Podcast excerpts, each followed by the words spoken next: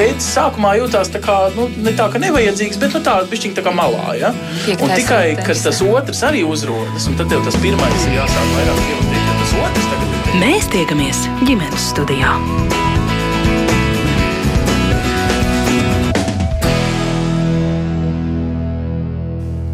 Labdien, rādījums ģimenes studija sāk savu skanējumu. Jūs sveicināta producents Armīta Kolāta, mans vārds ir Agnese Linka. Ik pa laikam eh, no speciālistiem dzirdam atkal un atkal apgalvojumu, ka vecākiem tomēr trūkst zināšanu un pareizes izpratnes par zēnu intīmo higiēnu. Kas šo informāciju jaunajiem vecākiem īsti sniedz, nu jau sākot ar brīdi, kad viņi ir kļuvuši par mammu vai tēti mazam puisītim, kā pareizi kopt vispirms maza, tad pamazām pieaugoša zēna dzimuma orgāns un ar kādām sūdzībām par zēnu veselību šai jomā saskaras mediķi. Arī mēs ģimenes studijā par to runājam gana reti, bet eh, šoreiz esam lēmuši tātad par to visu sarunā ģimenes studijā šodien, un eh, tās dalībnieki būs Bērnu Kliniskās universitātes slimnīcas uroloģa Natālija Bozo. Tova, Labdien! Labdien! Un telefoniski ar mums eh, kopā arī bērnu ķirurgs Olafs Volrāts un ģimenes ārsts Reinis Siliņš. Sveicināti! Labdien! Labdien! Jā. Kā alaži arī jūs klausītāji esat laipni aicināti pievienoties mums sarunā, ja ir kas sakāms, kādi komentāri šoreiz droši vien, jo īpaši gaidīsim jautājumus speciālistiem, ja tādi rodas, rakstiet mums ģimenes studijai no Latvijas radio mājaslapas. Es uh, sākšu ar jautājumu doktorei Bozotovai, tā kā jūs šeit studijā klātien esat, tad vecāši, kā jūs caur savu tādu profesionālo prizmu vērtējat tieši to, nu, cik pilnīgas ir vecāku zināšanas vai izpratne, kādu aprūpi prasa maza, eh, sākumā maza puiša higiēna? Uh, jautājumi tiek uzdot ļoti bieži, un ir tīpaši no sieviešu puse, puses. Uh, es neesmu dzirdējis nevienu jautājumu no tēviem, piemēram, kā ir jākopja dzimuma orgānu puišiem. Es domāju, ka tur viss ir skaists, vairāk vai mazāk, bet nu, nu, diemžēl nē, bet situācija mūsu valstī ir tāda, ka laikam pamatā sievietes rūpējas par bērniem, tīpaši par jaundzimušiem vai, vai, vai maziem bērniem. Un tad ļoti bieži mammas saka, ka viņas nu, nezin, ko darīt, ka viņas baidās pieskarties, ka jāpaskatās doktorei, vai tur viss ir kārtībā. Un e, nāk, e, principā ļoti bieži pat nāk uz pieņemšanām, uz konsultācijām tīri ar to jautājumu, vai paskatās, vai viss ir kārtībā. Pie jums pat kā pie speciālista, kā Jap. pie urologa, kas ir gan Jap. specifisks jau tomēr. Mm. Kā uh, kungi teiks, uh, doktor Volrāt, vai vecāki zina pietiekami, kādi jūsu novērojumi? Nu, teiksim tā, es varētu piekrist uh, doktorai Bazotovai, bet uh, tas spektrs ir diezgan dažāds. Ir daudz cilvēku, kas daudz ko zina un ir arī daudz lasījuši. Daudz ir tādi, kas varbūt uh, nezina īsti, kā būtu pareizi, un tad viņi nāk, lai pārliecinātos, kā ir pareizi. Bet varbūt, arī uh, tas galvas slēdziens arī kādreiz ir tāds, ka varbūt cilvēki arī nevar saprast, kā ir pareizi un nav pareizi, un tad labāk apmeklēt ģimenes ārstu, bērnu ķirurgu vai urologu, jo mūsu mērķis ir vesels bērns. Doktor Siliņa, kā jums veidojās uh, dialogs ar, vai informēšana attiecībā uz jaunajiem vecākiem? Cik bieži jūs iztaujā par mazuļu puišu dzimumu orgānu higiēnu kopšanu? Vai jums ir kāds standarta info kopums, ko jūs iedodat tāpat bez vaicāšanas? Nu, sākotnēji jau ģimenes praksē, jau šie te, vismaz manā praksē, bērni nonāk jau no pašas dzimšanas, un tātad zīdaiņa periodā, un tad informācijas pirmo kopumu jau mēs dodam uzreiz tādu uh, nepieciešamo minimumu, kā, kā mazgāt, kā, ko apskatīt, kam pievērst uzmanību, un attiecīgi, kurā brīdī noteikti dot ziņu par sevi, ja kaut kas neiet tā, kā vecākiem liekas, ka pareizi. Bet uh, man gan praksē gadās arī reiz pa reizē ne tikai mammas, bet arī tēti, kuri prasa, kā, kā to pareizāk darīt, un ja šodienas tēma mums vairāk ir tieši e, zēnu intīmā higiēna, tad, e, ja tāda iespēja ir, tad e, es piedāvāju tomēr tētiem parūpēties par viņu un arī viņiem speciāli izstāst, kā, kā vajadzētu veikt šo te higiēnu un attiecīgi pēc tam, kur ir tie mazie sarkanie karodziņi, kad būtu jāziņo man vai pat aizno jāgriežas jau varbūt pie bērnu ķirurga vai urologa. Bet kurš tad būtu tas speciālists, kas jaunajai mammai vai tētim pirmais izstāsta, kāda kopšana attiecībā uz mazuļa pušu dzimumu orgāniem ir nepieciešama? Jūs tad esat tas Jā, kā es- ģimenes es domāju, ka noteikti. ārsts? vai kaut kādu informācijas minimumu vai pamat, pamat informācijas devu būtu jāsaņem arī dzemdību iestādē? Uh, es pieļauju, ka dzemdību iestādē varbūt, nebūtu tās, tas, tas viņu primārais, viņiem ir daudz citu uzdevumu, kas un, un pienākumu un, un, un punkti, kas jāaiziet cauri tanī pirmajās dienās, un šobrīd jau tie jaundzimušie ļoti ātri tiek palaisti mājās, tā kā pirmajās, pirmās nedēļas laikā mēs visus mazuļus apskatām mājās, Un tad arī izrunājam šo kā pirmais speciālists vai nu, tas primārais dakteris būtu ģimenes ārsts tieši ar ko būtu jārunā par šo te intīmo kopšanu un varbūt pirmajām problēmām, ar ko vecāki varētu saskarties.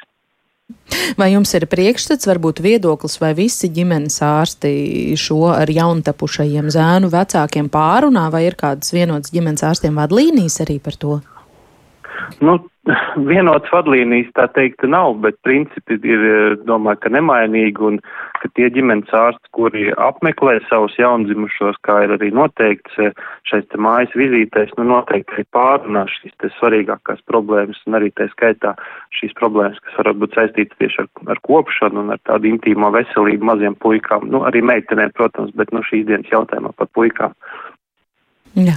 Vai jums ir kas piebilstams par to, kurš tad būtu tas pirmais, kam tas jāizstāv? Nu, manā skatījumā tomēr eh, dzemdību nabā tie jautājumi būtu jāuzdod, ja viņi ir. Jo, piemēram, ja tas ir pirmais bērns ģimenē, jaunajā ģimenē, tad eh, nu, mamma tiešām varētu būt neizpratnē, ko darīt. Tur īpaši nav ko darīt pēc dzimšanas ar, to, ar tiem dzimuma orgāniem, jā, bet nu, tīri dēļ tā, ka mamma var nebūt pārliecināta, vai vis, viņa visu dara pareizi vai mhm. nepareizi. Mm, tā es domāju. Un, mm. un runājot par ģimenes ārstiem, jā, nu, diemžēl manā praksē bieži vien ir gadījumi, kad eh, īpaši vecāka gada gājuma ģimenes doktori, viņi nu, arī nemāk atbildēt uz, uz tādiem vienkāršiem jautājumiem. Varbūt arī dēļ tā, ka mainās, teiksim, priekšstati un mainās arī, mm, mainās arī, teiksim, mūsu ārstu rekomendācijas arī, teiksim, pat manā dzīvē, manā darba laikā tās rekomendācijas ir gan ir izmainījušās, jā, mhm. attiecībā uz to pašu priekšādiņu dzimumu loceklim. Mm. Par šo noteikti pēc brīža vēl eh, detalizētāk parunāsim, bet uh, doktors Volrāts arī vienā brīdī teica, ka viņam arī nāks sastapties ar tādiem vecākiem, kas ir daudz lasījuši, Jā. daudz zina par šo, tad man vispār jautājums, vai par to ir daudz Jā. ko zināt ziniet, ir tā, ka es domāju, atbildot to jautājumu, ko jūs uzdevāt, kuram būtu pirmam jāinformē, ja vecāki. Es domāju, ka ļoti svarīgi ir tā saucamā pirms uh, dzemdību tas periods, ja, kad mamīts iet sagatavošanu, gan viņas mācās dzemdībām, viņas mācās, kā pareizi viņām viss tur tiek izstāstīts, kā notiks dzemdību process, kā viss notiks. Es domāju, ka šitas būtu tas laiks, kad varētu arī iekļaut to, kā, kad jums bērniņš piedzims, kā jūs rūpēsieties par tādām lietām, tādām, tādām, iziet varbūt cauri tādām pāris svarīgiem jautājumiem, nu, kas varētu būt viņiem uh, vajadzīgs zināt. Jo, jo būtībā, kad jau tas bērns ir piedzimis, tā praksa jau ir tāda, ka katrs tur meklē, nu, viens tur, nu, katrs meklē kaut kur tos avotus, kur viņš, kur viņš var sameklēt, ja.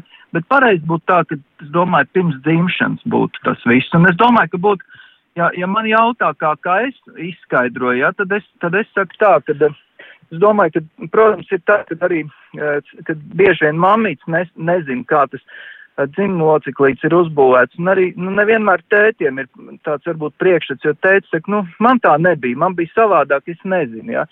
Un es cenšos vecākiem izstāstīt tā, ka, nu, vispirms domāju, ka vispār jāatsaprot cilvēkiem, kāds dzimuma lociklīts ir uzbūvēts, ja.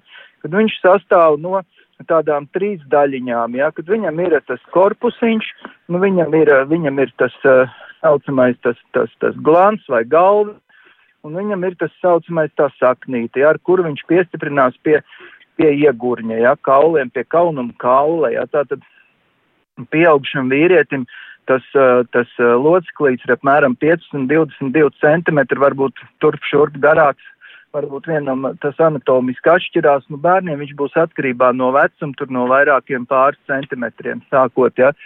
Un vecākiem būtu jāsaprot, kā, kā tas ir uzbūvēts, tas dzimuma lociklīts, ka tur, kur ir tā, ka viņam tur, kur ir korpus, viņš sastāv no trīs daļiņām, no tādām kā trīs trubiņām, kas ir salikts, teiksim, tā kā piramīdiņu uz leju, jā, divas lielākās, tie, tie kavernozie ķermenīši, kas ir virspusē divi, un zem viņiem iet tas trešais, tas spongiozais ķermenītis, caur kuru iet arī urīna izvadīts. Ja? Un tie ir apklāti ja, ar ādu, un tas korpus viņš ir līdzīgi, kā mēs varētu teikt, roka kāja apklāts ar ādu. Kā notiek ar to galviņu? Ja galviņa ir tā kā tāda cepurīta galā uzlikta, vai mēs varētu teikt tāda zvana formas, tāds, tāds, tāda kā uzmaviņa, ja? Un, ja mēs iedomājamies, ka tā ir cepurīte, tad tur, kur cepurē bumbulis, tad tur ir uz, urīna izvadu kanāls. Ja? Un, tad, un tad tai cepurītei tā ādiņa, redz, nav piestiprināta pavisam klāt, kā tas ir korpusam. Ja? Cepurītai ādiņa ir piestiprināta tikai apkārt, kā saka, tur, kur cepurīte sākās. Ja mēs iedomājamies, ka mums ir mētels ar tā kā ziemeļniekiem, kas iet ceļot un viņiem ir kapuci galvā, ja? tad tā ir tā priekšādiņa, tā kapuci. Un ja mēs uh, cilvēki, kas iet vētrā ceļo, viņiem ir tā aizvilkts tur ciet, tikai ka viņi redz acis, ar acīm redz ārā ceļu. Ja? Nu, tad tas būtu tā fizioloģiskā fimoza, kā būtu jābūt nu, maziem puišiem. Ja? Un tad, ja tā fizioloģiskā fimoza pāriet jau, ka viņi vairs nav fizioloģiski, ka nevar vairs nolaist turīnu, jo, jo bērniem tā ir vienīgā, vienīgā būtībā funkcija nolaist turīnu, tad iedomājamies, ka mums tajā kapucē, tā kā sporta jakās, ir ievērts striķīts, ar ko mēs varam aizvilkt kapuci ciet, lai vējš nepūš viņu nost. Un tā, ka mēs viņu aizvelkam pa daudz ciet, tad mēs vairs caur to kapucīti nekā neredzam. Un tad tā ir tā fimoze, ja?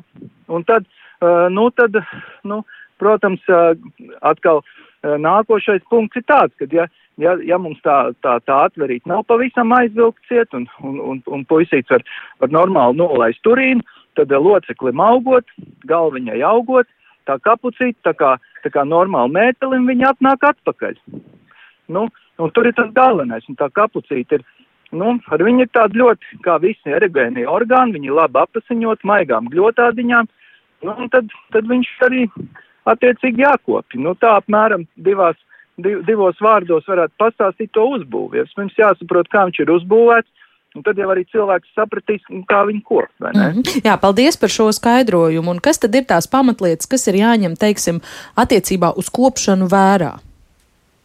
Ja nu, mēs zinām nu, uzbūvi. Nu, principā ir tā, ka ja jau tas uh, cilvēks izaug un, un uh, daudziem puikām uh, viņi ir auguši un desmitiem gadu atpakaļ un padomu laikā un, un nezināja ne pa higēnu neko un, un izaug un tāpat tās viss bija labi. Ja? Tad ir, tad ir otrs jautājums, kāpēc ir, ir tautas, kurām tas ir, nu, kā teikt, rituāla apgraizīšana. Tādēļ, ka tautas, kas dzīvo tūkstnešos, viņām tas nav nācis vienkārši tā no gaisa. Jo, ja tā, ja tā ādiņa, kas nocēc galvu, viņi ir diezgan tas atverīti cieša, tad tur veidojās dažādi iekaisumi. Un, ja mēnešiem ilgi nemazgājās, tad, protams, tur noteikti iekaist, un tas var nu, līdz dažādiem pat uh, smagiem stāvokļiem būt, ja, ka tā galviņa pilnīgi līdz nekrozē, ja. Un tādēļ, tādēļ uh, nu, ir, ir tauts, kurām ir tā apgraizīšana saucamā, gan dažādi simboliski nozīme, gan arī, gan arī tīri, tīri tāda pragmatiska nozīme, ja. Bet, nu, mūsu puisīšiem būtu tā, es domāju, ka, ja, nu, to galviņu, ja viņi, ja viņi, ja, viņi, ja, ja urīns normāli, bērns, bērnam, bērns ir normāli urinēt, un ja viņam nav uh, nekādu sūdzību, ja, tad, maz, protams, ir jāmazgājās uh, bērnam dušiņā, un katru vakaru var, var apmazgāt tos dzimumu orgāns, ja, un uh, ir vairākas teorijas par to, vai vajag vilkt speciāli to ādiņu atpakaļ vai nevajag, ja. Nu, ir tāda lieta, ka, nu, ja puisīts pats vislabākais, viņš pats par, var bišķiņu atvilkt un tad nomazgā, ja, jo kuram ir stipra vilkšana, skaitās un kuram vāja vilkšana. Tikpat labi jūs atvilksiet stiprāk un var rasties plaisiņas, pie tās atverītas galā priekšādiņai, ja, un viņi atkal sāks rētoties. Ja.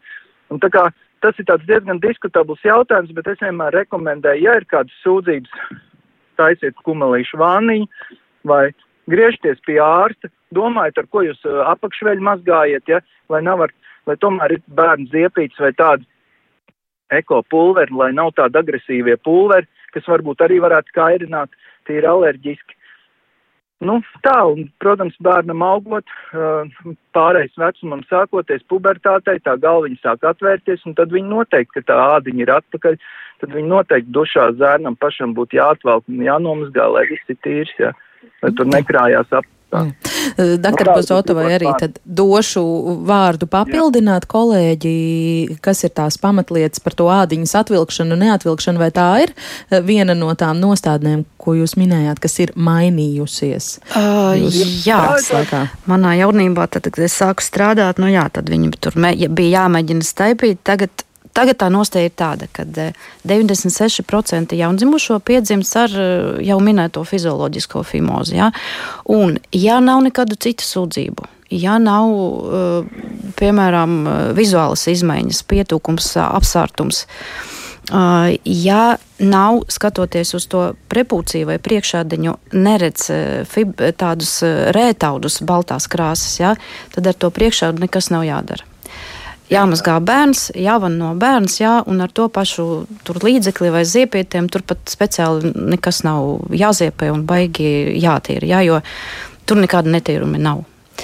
Uh, Tālāk, jā, tad, kad bērns paaug, jā, tad, protams, es arī viens no maniem ieteikumiem vienmēr, lai tēvs, bērnu tēvs saglabā uh, mm, tādas nu, labas attiecības ar savu puiku, arī um, runājot par atklātību, par, par higiēnas lietām un par intīmām lietām. Ja, piemēram, bērnam ir sūdzības, lai bērns nu, nekautrējās tēvam to izstāstīt. Un tad, jā, tad jāiemāc tas puika, cik viņš var tad čurājot atvilkt to priekšādiņu, ja? lai nav tā, ka čurājot vienkārši tā strūkla, iet un, un uh, lai uzkrājās tas urīns tajā kabatiņā starp uh, dzimumlocekļa galvu un, un to prepūciju.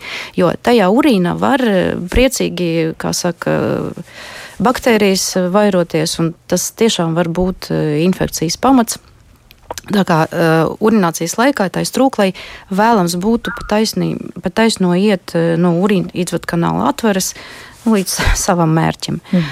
Un uh, cita lieta, tad, kad bērns uh, kļūst uh, vecāks, desmit, uh, prepubertāte, pubertāte, nu, tad jau ir tad parādoties sekundārām dzimuma pazīmēm, apmetojumam, dziedzeri sāks strādāt cirkšņos nu, tad eh, jāmazgā ar ziepēm tie, tos pašus cirkšņus, tos, to pašu apmatojumu, un tad, jā, tad eh, atkal jautājums par eh, erekcijām kļūst aktuāls, kad orgāns vairs nav vajadzīgs tikai priekš urinācijas, bet parādās pirmās erekcijas, tad jā, tad tā pašaura priekšāda var būt iemesls sūdzībām par sāpīgām erekcijām. Uh mhm. -huh. Par pusauģiem piedāvāju vēl nedaudz vēlāk parunāt, bet viesturs mums arī vienkārši un, un skaidri jautā, nu kas ir tas, ko visbiežāk vecāki izdara nepareizi puisītim, tad, kad viņš ir vēl par visam mazs, no kā būtu jā, jā, jāvairās.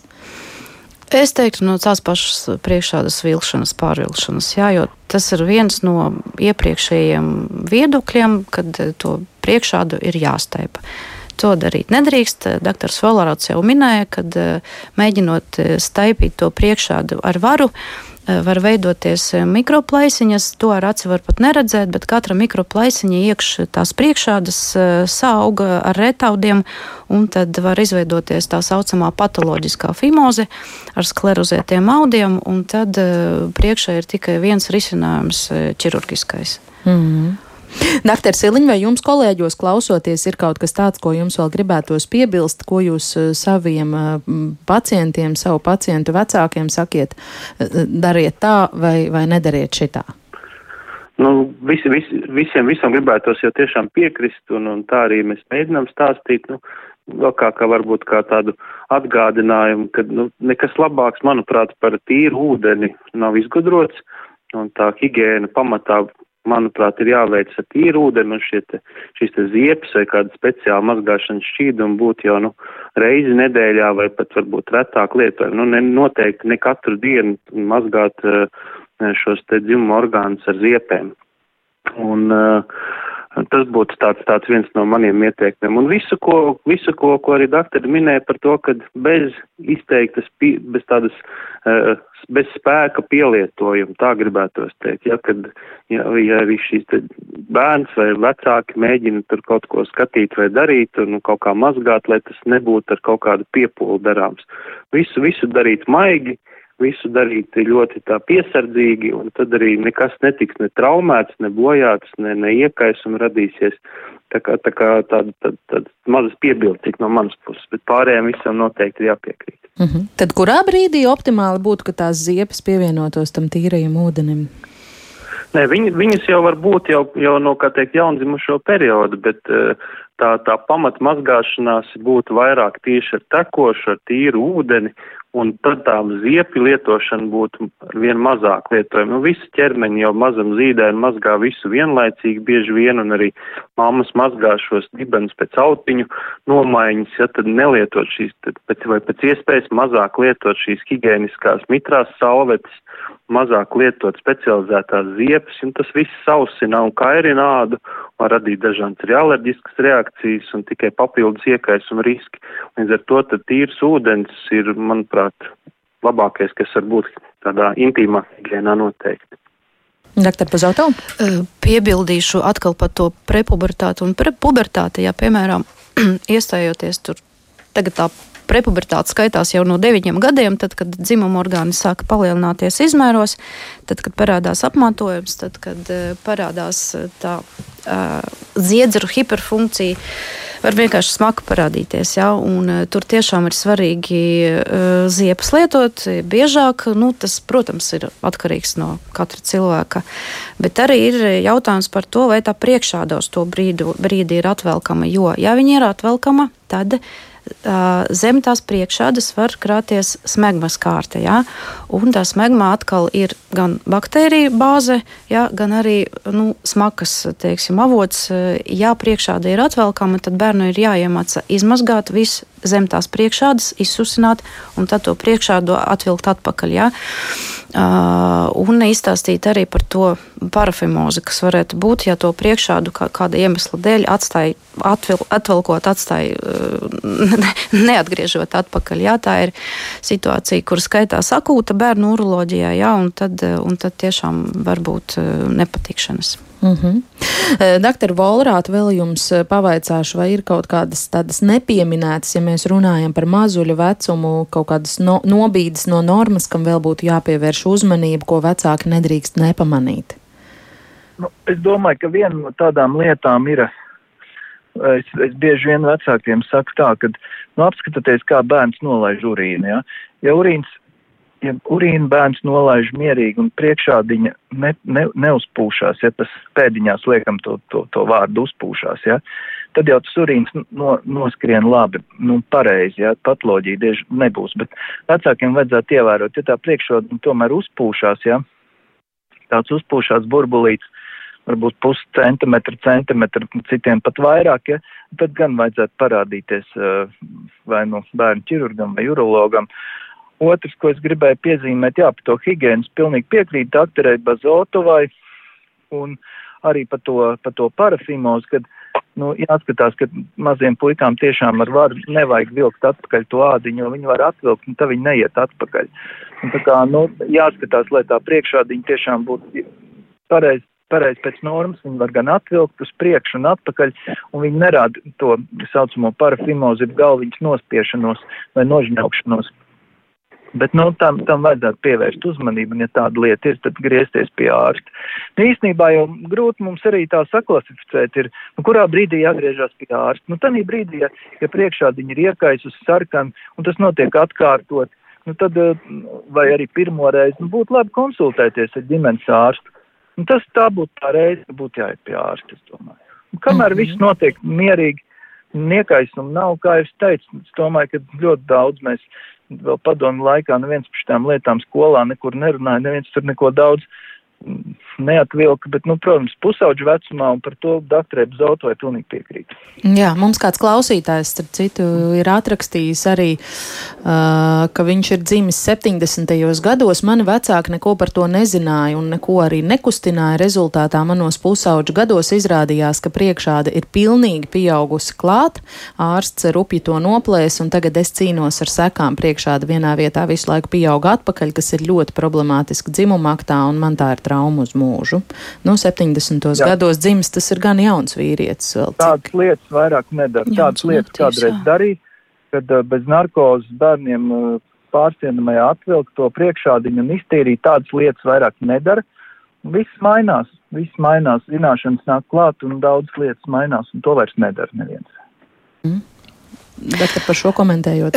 Pat cik es praktizēju gan pediatrijā, gan arī pieaugušo uroloģijā, mm -hmm. uh, ļoti bieži man sanāk redzēt uh, citādi veselus, seksuāli aktīvus uh, vīriešus ar problēmām dzimumu dzīvē, uh, kuras ir saistītas tiešām ar anatomiskām lietām, jā, ar to pašu fimozi, ar dzimumu locekļa galviņas izmaiņām, ir tāda diagnoze kā uh, obliterējoša, sklerozējoša balanopostīts. Tad, kad ir tā fimoze jau attīstījusies tik tālu, ka tā priekšāda ir viena pilnīgi tāda saistaudu uh, masa, Un e, reizēm vienkārši brīnīties, kā tas cilvēks vispār ar seksu nodarbojas. Nu, nekā noteikti. Jā. Un e, tad, tad, tad tiešām tā vienīgā izēja ir apgaizīšana. Uh, Mm, ir arī varianti, kad, piemēram, var atvilkt to priekšādu, bet īsā saitīte, kura savieno eh, priekšādu ar, ar dzimumu locekli, tas arī traucē gan erekcijām, gan normālai seksuālai dzīvei. Un, nu, pat cik pēdējā laikā dzīves kvalitātes jautājums, arī seksuāla kvalitāte, ir ļoti iecienīts starp eh, mūsu pacientiem. Nu, tas ir tiešām svarīgi risināt eh, laicīgi. Mm, bet vai mēs varam šeit runāt par to, ka tur pie vainas ir 70. gadi, kad vecāki nezināja un ka netika izstāstīts, kāda ir tā iespējams. uh, intīmā higiēna. Ir, iespējams, jo joprojām es to redzu tiem pašiem 17, 17 20 gadīgiem vīriešiem. Tāpēc arī saku, manās acīs svarīgi ir saglabāt tādas uzticīgas. Nu, nu, starp tēvu un, un, un puiku es tā uzskatu, jo uh, nāk tie gadi, kad uh, tas zēns, nu, laikam labāk dalīsies ar to tēvu, mm. ar savām tādām ap seksu, seksuālām problēmām. Nu jā, tad droši vien divi vēl papildu jautājumi izriet. Viens ir, no, viens ir tāds, cik eh, pilnīgi ir pašu tētu izpratnē par intīmo veselību, par pareizu zēnu un arī pēc tam jauna vīrieša higienu. Un otrs eh, saistīts Lolita, piemēram, mums raksta Latvijā ir tūkstošiem vientuļo māmiņu. Kā viņām jau ar palielu bērnu izrunāt intīmo veselību, tā tīnam ir trauma, viņš vannas istabā nelaiž, kur nu vēl ar māmu apspriest vai ļaut ādiņu atvilkt. Tā ir problēma, es piekrītu. Ja? Bet, ja tiešām mamma ir pamanījusi, ka bērnam ir problēma, neviens neliec nāk pie ārsta. Ja?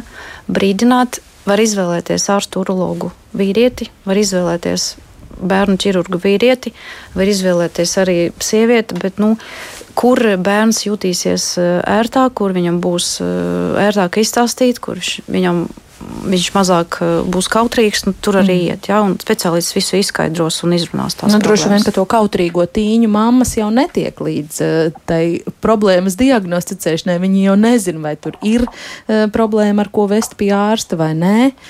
Mm, ārstiem vīriešiem jautāšu par šo. Ieteikumi varbūt tiešām vientuļajām mamām, puišu mamām. Nē, no, es domāju tā no savu redzes punktu piekrīt, kā saka, pareizā doktora Bazoto saka, bet, nu, ir jau mums eh, tāda problēma, kad ir arī nu, dažādas ģimenes, un ir gan uh, pilnīgs ģimenes, kur ir teicis, un mamma ir ģimenes, kur ir tikai mamma, bet, bet es domāju, tas svarīgākais ir tas, vai vispār starp cilvēkiem ģimenē ir uzticība, vai, vai viņi vispār viens ar otru sarunājās, un vai viņi, vai viņi viens ar otru vispār komunicē, ja, un cik, cik lielā mērā viņi komunicē. Un pat arī tad, ja māmiņas ir, kā tā, vientuļo māmiņu ģimenēs, nu, ja māma to puisi, es zinu daudz ģimenes, kur māma, arī mani bijuši tādi pacienti, kur māma ar puisi atnāk un, jā, nu, viņa, protams, ka viņa izmeklēšanas laikā viņa iziet ārā no, no telpas un tā, bet viņa pilnīgi informācijas ziņā ir pilnīgi informēta un, un ap divi viņi ir apspriedušies, un, un var jau būt jau nemaz nav jāiet tajā vannas istabā iekšā, bet ja, ja ir tāds kontakts, cilvēciski puisis pasaka, nu, zini, man tur kaut kas nav riktīgi, nu, tad ejam pie ārsta, nu, varbūt tā.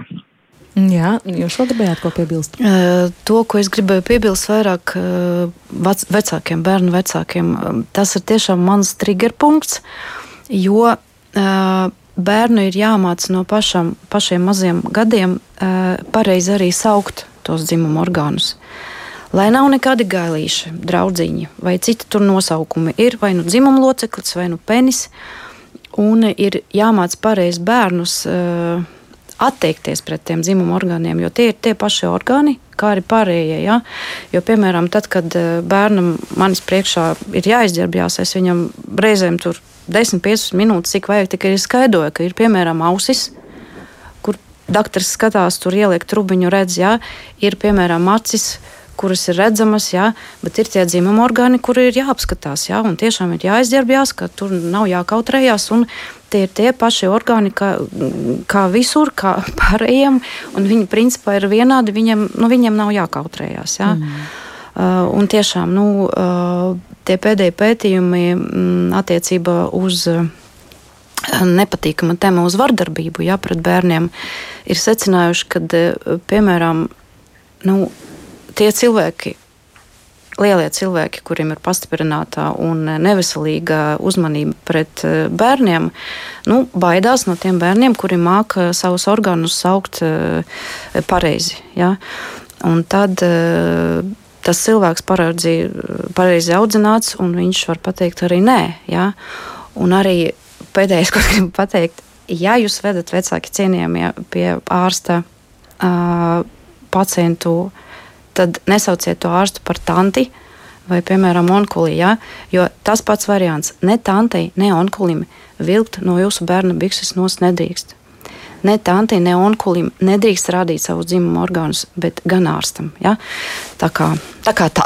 Jā, paldies arī par šo iestarpinājumu. Vilnis, starp citu, mums eh, kaut ko līdzīgu raksta. Viņš ra eh, saka, ka domājams daudz robežu ir mūsu galvās, nedod Dievs, kāds ieraudzījis krāniņu kauns pa visu seju. Mums tā ir ieborēts, ka plikumi ir kaut kas pretīgs un neglīts, un ja kāds visu uztver normāli, tad to sauc par izvirtuli, bet kā lai puika jūtas brīvi, ja paši vecāki nejūtas eh, brīvi? Dzīve, es atgādināšu, ka ģimenes studijā mēs šodien runājam par eh, zēnu higienu un dzimumu orgānu kopšanu un aprūpinu veselību, un sarunas dalībnieki ir Bērnu Kliniskās universitātes slimnīcas uroloģi Natālija Bozotova un telefoniski ar mums kopā bērnu ķirurgs Olafs Volrāts un ģimenes ārsts Reinis uh, Siliņš, un arī jūs, uh, klausītāji, varat uzdot savus jautājumus speciālistiem, ja tāda rodas, atrakstiet ģimenes studijai no Latvijas radio mājaslapas. Tā kāda māma ir izdarījusi, viņa vaicā, vai priekšādiņas nogriešana veicina tīrību un kādā vecumā tad to bērnam būtu ieteicams veikt. Un otrs viņas jautājums ir, vai mazu bērnu drīkst laist pliku pludmalē. Tas droši vien arī ir saistīts kaut kādā mērā ar uh, zēna uh, veselību. Jā. Tad klātienē esošā doktora Bozota iesāks, tad kolēģi papildinās. Ja? Jā, tā tad uh, priekšādiņas apgaizīšana vai cirkumcīzija, tā viņa saucās, tā operācija var būt pēc medicīniskām indikācijām.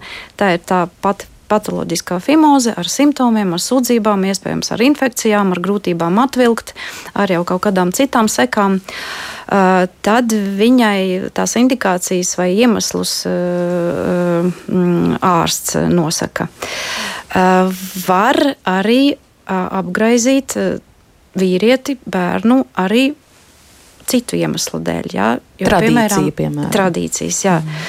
reduģotās tradīcijas. Un var arī ir mums arī tāda medicīnas nodaļa vai sadaļa kā preventīva medicīna. Profilaks, jā. Jā. Tā ir ļoti modīgā tēma. Jā, ir slimības, kuras var novērst, iepriekš kaut ko izdarot mērķtiecīgi. Tātad pēdējie pētījumi rāda, ka apgraizītiem vīriešiem ir Viņi mazāk saslimst ar banālām infekcijām, ar seksuāli transmisīvām infekcijām. Cilvēku papilomas vīrusu mazāk saistā ar apgaizītiem vīriešiem un arī mm, aidu mazāk saistā ar apgaizītiem vīriešiem, un uh, vīriešiem pēc cirkumcīzijām ir uh, statistiski mazāk teiksim, incidenti runājot par penelo vēzi, nu, par onkoloģiskām saslimšanām. Mm -hmm. Tā kā, principā, ja pacientiem vai vecākiem gribās izrunāt šo problēmu vai šo jautājumu, tad var droši arī griezties pie speciālistiem. -huh. Un kādā vecumā to veikt? Mm, tas vecums nav noteikts. Ja? Mm -hmm. ja ir problēmas, tad jebkurā vecumā, ja, tad, eh, ja piemēram eh, cilvēks pats izaug, nu, mums no 14 gadiem jau pacients var pats nākt un jautāt un, un, mm -hmm. un gribēt un, un saņemt atbildi. Mm.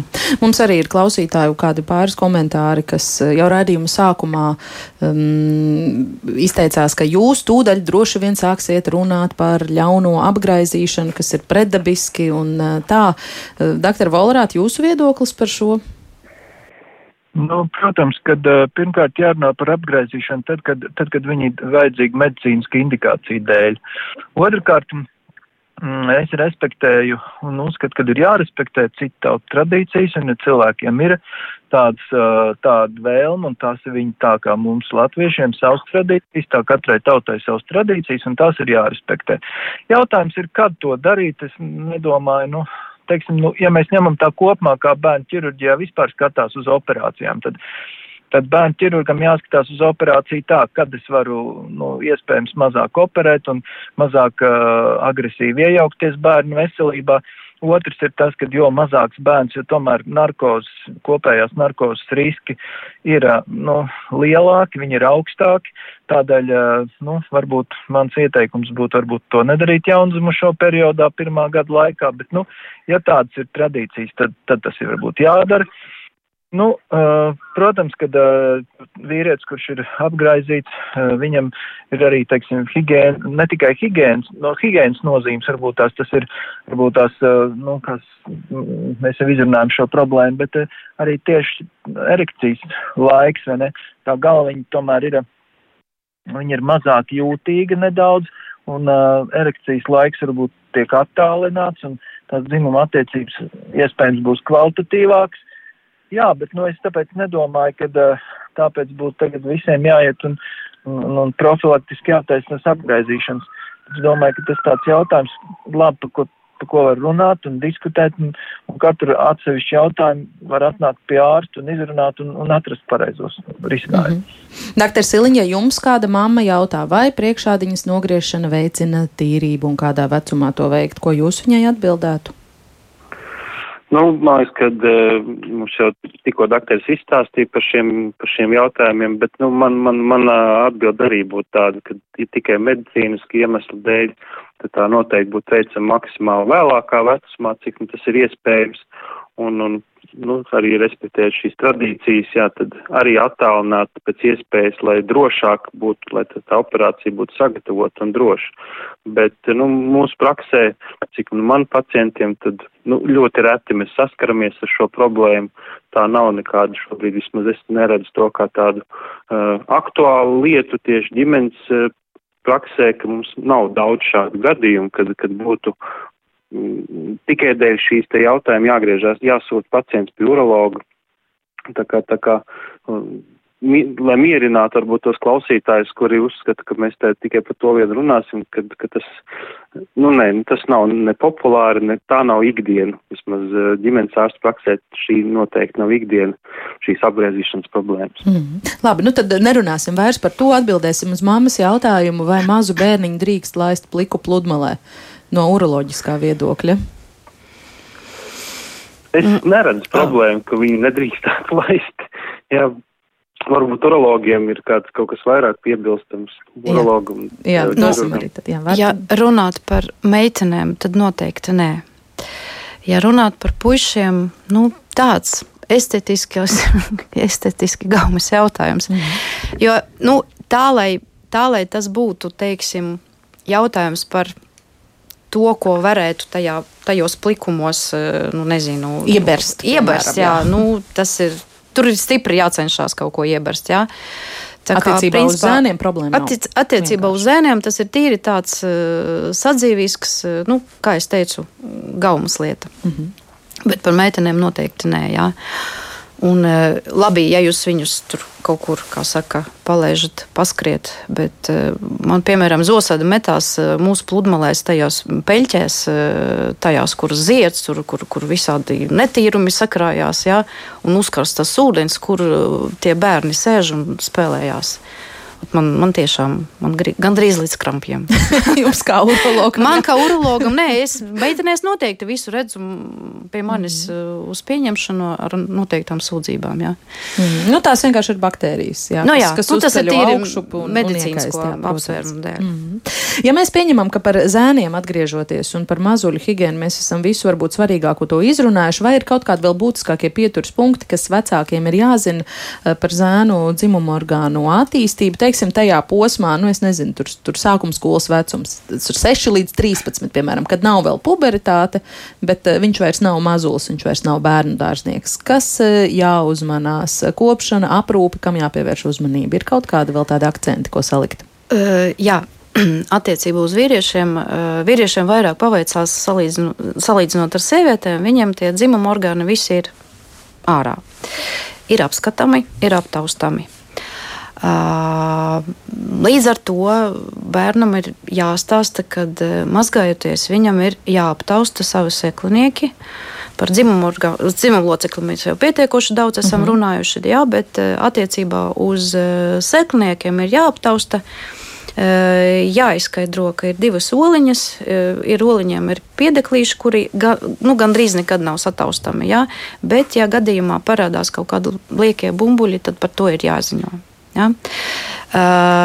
Ļoti tāda nepatīkama, akūta un nopietna situācija bērnu uroloģija ir tas saucamais akūts seklinieks. Ja? Tas ir visāda veida sāpes sekliniekā, kuras, kuram ir vajadzīga ļoti steidzīga ārsta uzmanība. Tad, tad, Vecākiem ir jāatcerās, ja bērnam parādās pēkšņi sāpes. Uh, uh, Seknieku maisos, jā, tad eh, neatkarīgi no tā, vai tas seknieks ir mainījis savu izskatu, vai viņš ir eh, sasarcis, pietucis vai nē, to bērnu ir jāķer eh, rokās un jāved uz bērnu slimnīcu uz neatliekamo nodeļu. Jo, piemēram, ja tā ir seknieku vai seknieku piedekļa sagraizīšanās, nu, tur runa ir par, par stundām, lai mm. saglabātu orgānu. Mm. Nu, teiksim, klasiskā situācija - sports, daudzīšanās un sasitums. Cik uh, ilgi var būt sēklnieku sāpes? Nu, ja sāpes ir, tad noteikti ir jāgriežas pie speciālista. Jo tur ir katru reizi, kad zēnam gadās sasisties. Nē, nu, ja piemēram viņš ir nu, dabūjis pa to seklinieku, mm -hmm. jā, un tās sāpes ir īslaicīgas pārgājušās, un vizuāli seklinieks nav izmainīts.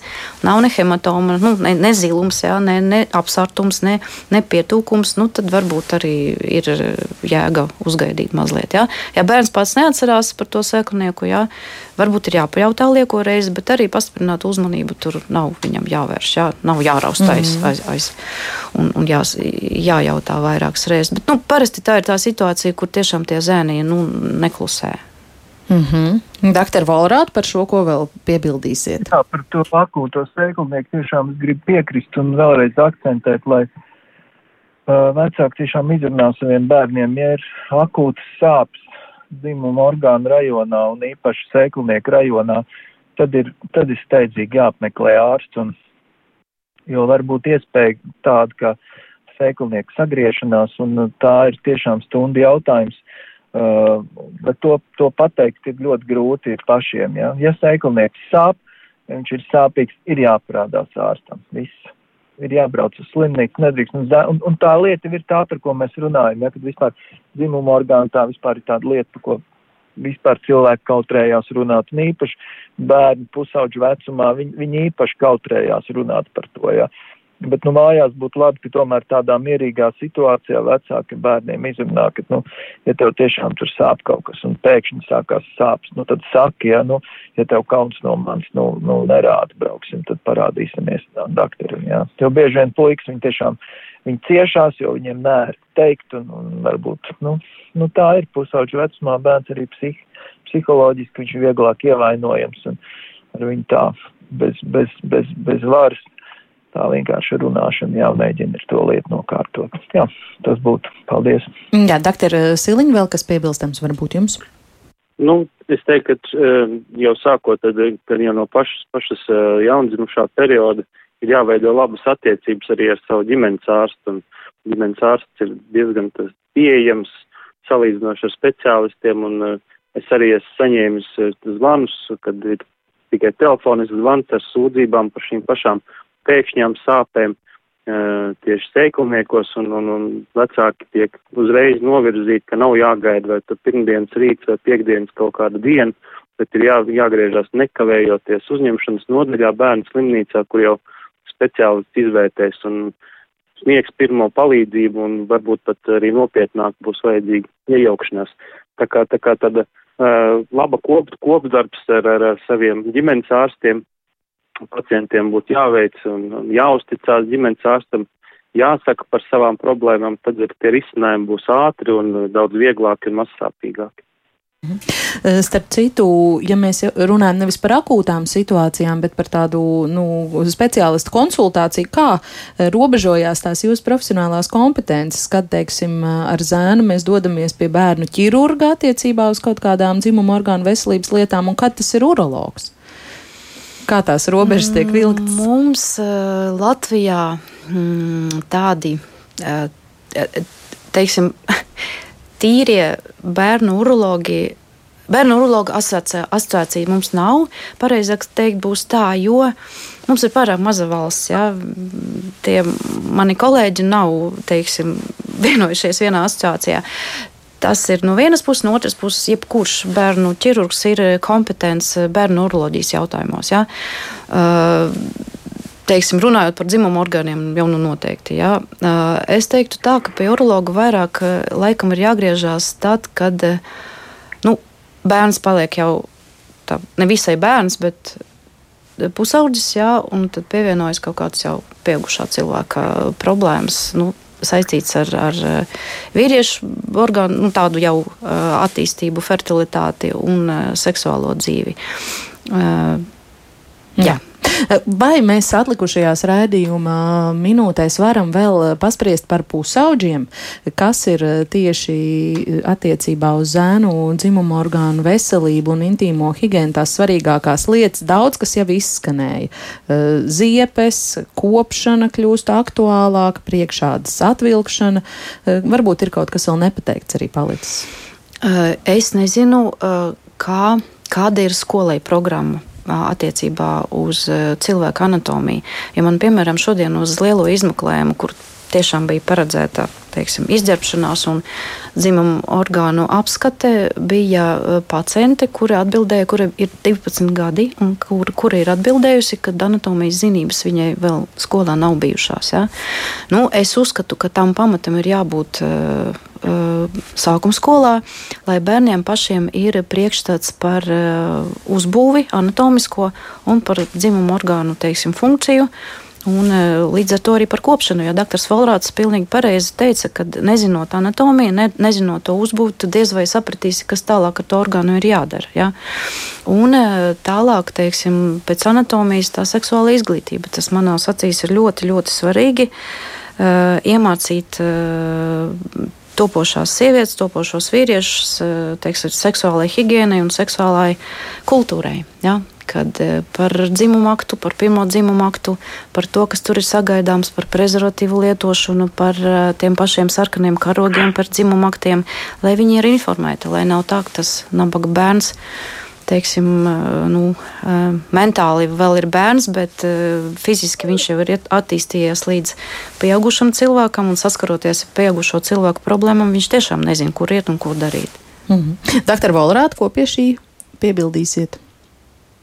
Jā, es domāju, jautājumā par kurš ārsts būtu vispirms jāapmeklē. Protams, tā, tā, tā sistēma tāda ģimenes ārsts, bērnu ķirurgs, un ja bērnu ķirurgs nu, uh, uzskatīs par vajadzīgu, tad viņš arī nosūtīs pie bērnu urologa. Ir dažādas bērnu uroloģijas patoloģijas, kur arī uh, kuras uh, nu, arī bērniem risina bērnu urologi. Bet par svarīgāko attiecībā uz pusauģu intīmo higiēnu, dzimumu orgānu veselību runājot. Svarīgāko, es domāju, mums jau ir izrunāts, un mēs paliekam pie tā, ka tomēr tās attiecības ģimenē ir ļoti svarīgas, un, un tēvs ģimenē ir ļoti svarīgs, un no tā bērns tikai, nu, viņš, viņš nevar izaugt, ja viņam nav mīlestības blakus, ja viņam nav sapratnes blakus.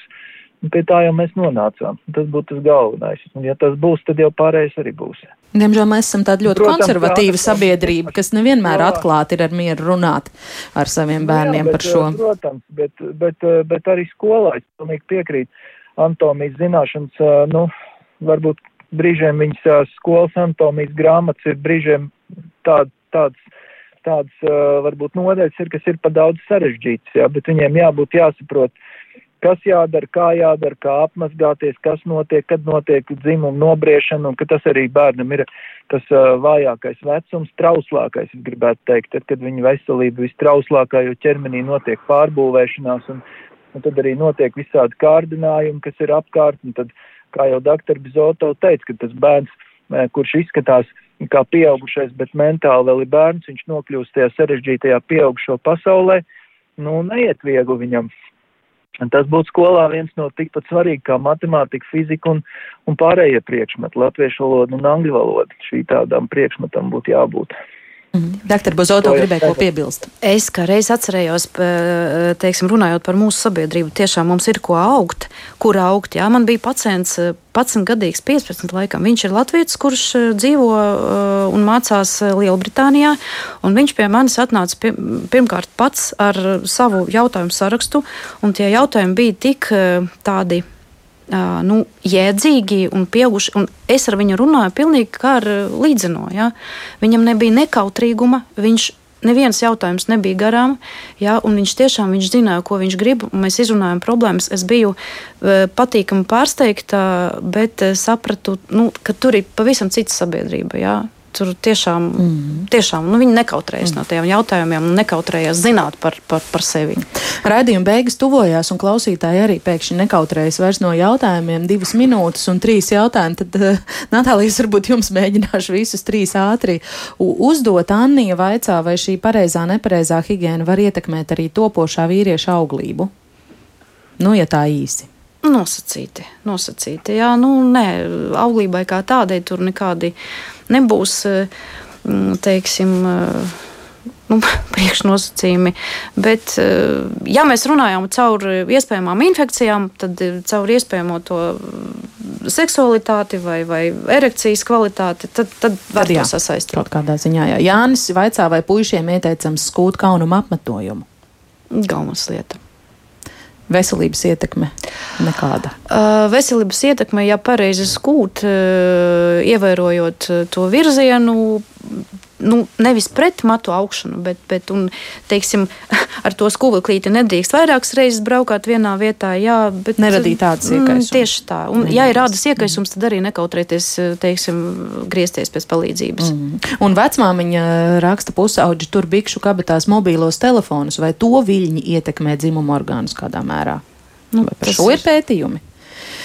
Neesmu tādus nopietnus pētījumus lasījusi. Jā, tas ir vairāk no sazvērstības teorija puses, man mhm. liekas. Mm -hmm. Kungi, vai īsi pavisam kaut kas vēl par šo ir beigās piebilstams? Nu, laikam veselības pratībā un tīpaši intīmā higiēnā mūsu sabiedrībai vēl ir kur augt, bet noteikti teikt, ka nekautrējieties uzdot jautājumu savam ģimenes ārstam, uh, Viņš palīdzēs jums atrast vai nu risinājumu uzreiz, vai novirzīs pie vajadzīgā speciālista, vai tad pie bērnu ķirurga, vai attiecīgi pie, pie urologa jau. Tā kā ne, nebaidīties, būt drošiem un, un, un, un bērniem, protams, rast labāku kontaktu ar vecākiem un teikt par saviem jautājumiem, savām bažām, savām problēmām. Jā. Un jautājumi tiks atrisināti. Paldies, paldies par šo sarunu un par jautājumu atbilžu sprintu arī Bērnu Kliniskās universitātes slimnīcas uroloģijai Natālijai Bozotovai, bērnu ķirurgam Olafam Volrātam un ģimenes ārstam Rēnim Siliņam. Rēdījumu šodien veidoja Sarmīta Kolātē, Rita Karnača un Agnese Linka. Kā atšķiras augsta un zema riska grūtniecība? Cik svarīgi laikus noteikt šos riska faktors, kas ir lietas, ko topošie vecāki var pārbaudīt un var izrunāt ar ārstu jau pirms grūtniecības plānošanas. Par to saruna ģimenes studijā rīt, kā vienmēr no diviem līdz trījiem. Klausieties mūs arī podkāstos, mobilajā lietotnē un sekojiet ģimenes studijai sociālos tīklos.